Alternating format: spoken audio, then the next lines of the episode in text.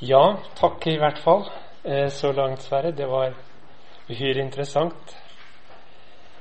Eh, jeg forsto deg slik at du observerte nesten spørsmål underveis. Nå gir vi i hvert fall rom for, eh, for det. Så da sier jeg vær så god, og du får snakke høyt, så hører vi kanskje uten mikrofonen. Jeg hadde et spørsmål her. Lyder av deg. Jeg har den hjemme. Jeg har ikke lest veldig mye. Jeg er litt skeptisk til den fordi at mye til Lyder Bruns utgave. Ja, det gjør de, og egentlig er det ett eneste ord de er fryktelig glad i. Og det er fra Johannes 1, hvor det står 'Ordet ble kjød'. Ordet var Gud. Med stor G står det i våre bibler. Lyder Brun oversatte 'Og ordet var én Gud'. Ordet var én Gud. Og Det er fordi det på gresk da ikke uten videre er klart at det skal oversettes med Gud med stor G, mener han, og mener Jehovas vitner. Lyder Brun mente nok det at vi skulle bekjenne Jesus som Guds sønn, som Gud. Men han følte seg ganske fri i forhold til dogmene, som han sa, og, og syntes nok det var artig å erte eh, de mest ortodokse med en sånn gjengivelse. Jeg tror ikke det er så mange flere steder at Jehovas vitner klapper for Lyder Brun, egentlig, men på det stedet gjør de. Lyder Brun var en han var jo den liberale teologis bannerfører i Norge fra første verdenskrig og helt fram til etter annen verdenskrig, i kirkekampen og da MF ble opprettet. Han elsket slagordet 'liberal teolog', og han var absolutt ikke blant de bekjennelsestro brødrene. Så Jehovas vitner de, de, er jo fundamentalister når det kommer til bibelsyn. Så at de skulle stole på en sånn erkeliberal teolog, det er litt skjebnens ironi. Men det var jo det ene punktet da som traff dem så godt. Nei, jeg ville aldri finne på å bruke Lyder Bruns bibel som min bibel. Eh, jeg leser i den med en viss interesse som forsker, og siden jeg har fått det privilegiet å jobbe med gresk og hebraisk og sammenligne det. Eh, men jeg kan ikke anbefale det å bruke som Bibelen for noen som helst. Har du den, så ta vare på den, og fra tid til annen så kan det være interessant å se en og annen formulering. Eh, men å la det bli min bibel, det vil jeg aldri tørre.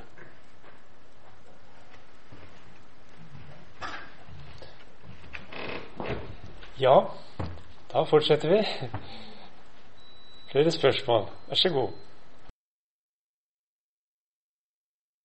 Det er i apostelgjerningene åtte om eh, den etiopiske hoffmannen, er vi vant med å si. På gresk så står det evnuk. Det er det ordet heter på gresk. Og det betyr en kastrert mann. Og kastrert, det ble de som hadde direkte tilgang til eh, skattkammeret og det indre liv ved et hoff. Der hadde kongen sitt harem. Og for at ikke andre skulle klusse med haremmet, så kastrerte de unge menn som ble trent opp til å bli betrodde mennesker.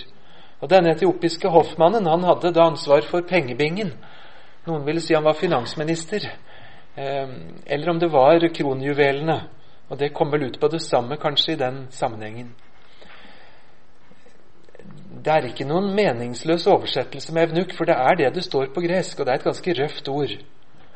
Grunnen til at det ikke har stått i norske bibler, er vel at det er et så ensidig negativt ladet ord som, som kanskje oppleves nesten krenkende over grensen for dristig, og en frykt for å skulle misbruke et ord som brukes som skjellsord rundt forbi. Også når Jesus i Matteus 19 blir spurt om om det går an å leve ugift. De som har det fra naturens side, eller de som i menneskelivet er blitt gjort uskikket til ekteskap, skulle du oversette det der òg. Enda større diskusjon var det rundt et annet ord, og det er de mange, mange mange stedene på Det Gamle Nyttestamentet hvor det står om prostituerte kvinner. Ordet skjøge eller prostituert eller hore. Og Jeg har selv vært med å oversette profeten Hosea, hvor dette er et veldig ofte gjentatt ord. På hebraisk så brukes ordet fryktelig mange ganger.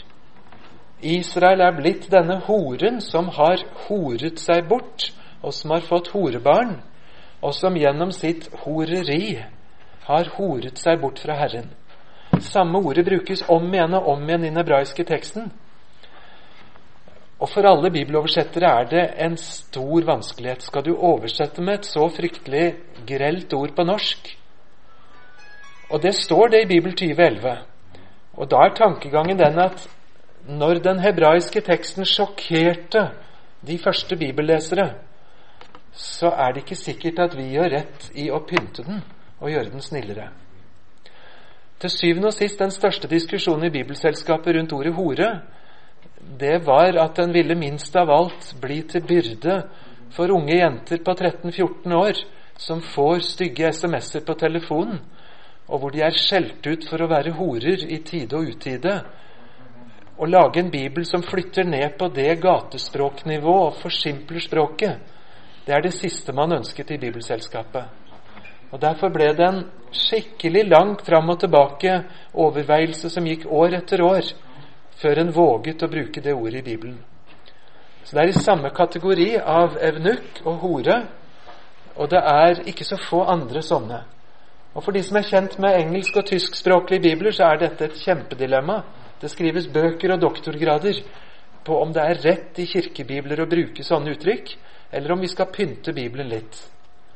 Skal Bibelen sminkes? Skal den pyntes? Skal den slippes løs på sitt røffeste? Det er et ganske stort dilemma rundt de ordene. Ja, jeg føler at vi har eh, i hvert fall faglig kunnskap om temaet her. Det må jeg si. Det er veldig sterkt å oppleve slike eh, gode svar. Ja, vær så god. Vi har tid til flere spørsmål. Kanskje jeg Ja, vær så god. Ja. I Det gamle testamentet står det en pike. I det nye står det en jomfru. Eh, hadde ikke vært riktig å bruke jomfru også de gamle? Jo, det syns jeg. Jesaja var den, eller Jesaja de første 40 kapitlene var min gruppe sitt ansvar. Og jeg har tatt en holdt på å si en evig dissens der. Jeg ble stemt ned. Grunnen til at det står en ung pike, mens det står jomfru i Nyttestamentet når bibelordet er sitert, det er, og det må jeg innrømme altså Hebraisk språk har to forskjellige ord for ung pike og jomfru. Og I Jesaja 7,14 så står det 'ung pike', mens andre steder så står det ordet for jomfru. Betula på hebraisk, og ikke alma. Den aller første oversettelsen av Gamle Testamentet, den som jødene laget lenge før Jesu tid, de oversatte likevel med jomfru Partenos. Jeg tror det betyr at det, gres, nei, det hebraiske ordet i Jesaja 7,14 ikke nødvendigvis bare betydde ung jente, men også kunne bety jomfru, med vekt ikke bare på ung alder, men også på jomfruelighet. Det må være noen grunner til at de jødiske lærde på 200-tallet før Kristus oversatte det med jomfru. Prinsippet i Bibel 2011 er at en skal oversette den hebraiske teksten og ikke den greske septuaginta. Og Det er det de har gjennomført også på det stedet.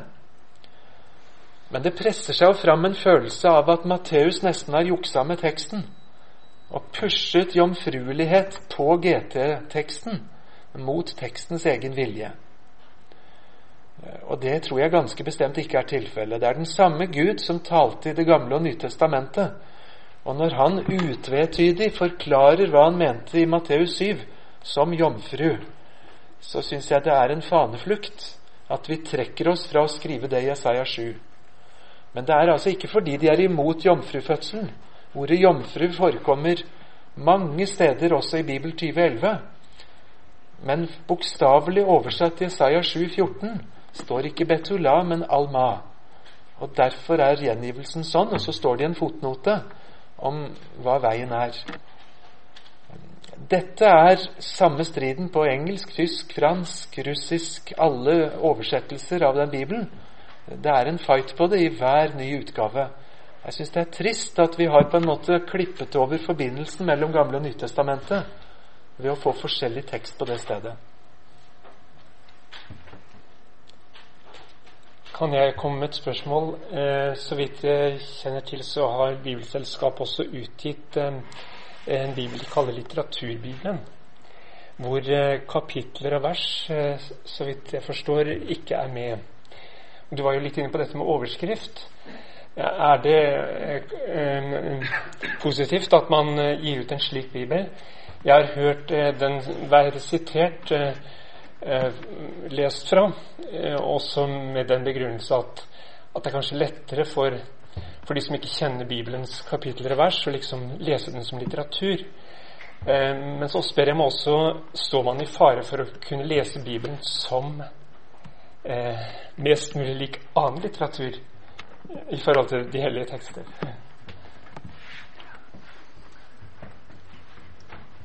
Ja, jeg føler litt på det samme som du sier. Jeg ønsker Bibelen med litt mindre av alt ekstra.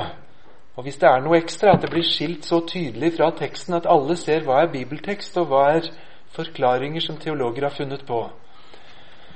Nå er det altså samme oversettelse i den trebinds litteraturutgaven som det er i alle de andre utgavene av Bibel 2011. Men de har altså klippet bort alt det andre. På en måte er det veldig bra, og jeg tror La oss gjerne lese Bibelen på den måten. Bibelen, Guds ord, har gjort noe av det samme i en sånn slimline-utgave, hvor de har skrelt bort alt. Eh, jeg har litt sans for den måten å lage bibelutgaver på. Men samtidig er det gjort med en baktanke av at nå leses det bare som litteratur. For det er jo mange, mange rundt i Norge som syns Bibelen er en vakker bok, men slipper ikke budskapet til. Og skal vi selge Bibelen på den måten? Jeg husker et sted jeg var på barnemøte og hadde fortalt bibelhistorien om vannflommen og Noah. Og Etterpå så var det en av ungene som sa 'Det var et spennende eventyr. Kan du ikke fortelle ett til?' Det gjorde så vondt. Hadde jeg fortalt det bare som et eventyr, hadde jeg forsømt meg i alvor eller i innramming å vise at dette er en virkelig historie om dommen, en av de foreløpige domfellelsene fra Guds side. Jeg er jo enig i at fortellingen er gripende og anskuelig og billedsterk og alt sammen. Og likevel, jeg har jo ikke lyst til å bli en sånn kåsør eller forfatter. Og det vil jeg gjerne få si at de forfatterne som var med å lage Bibel 2011, de ønsket ikke å forandre teksten for å gjøre den vakker eller noe i den stilen. Forfattere som jeg møtte de, de hadde en utrolig respekt for selve teksten og la den slippe igjennom. Ja, men dere kan da ikke ta bort sånn, sa de så ofte. Eller dere kan da ikke ta dere slike friheter. Så eh, det er ikke de som har ført oss i den fella. Men det at norsk skjønnlitterære miljøer jubler så veldig, det kan gjøre deg litt betenkt. Blir det bare en vakker historie?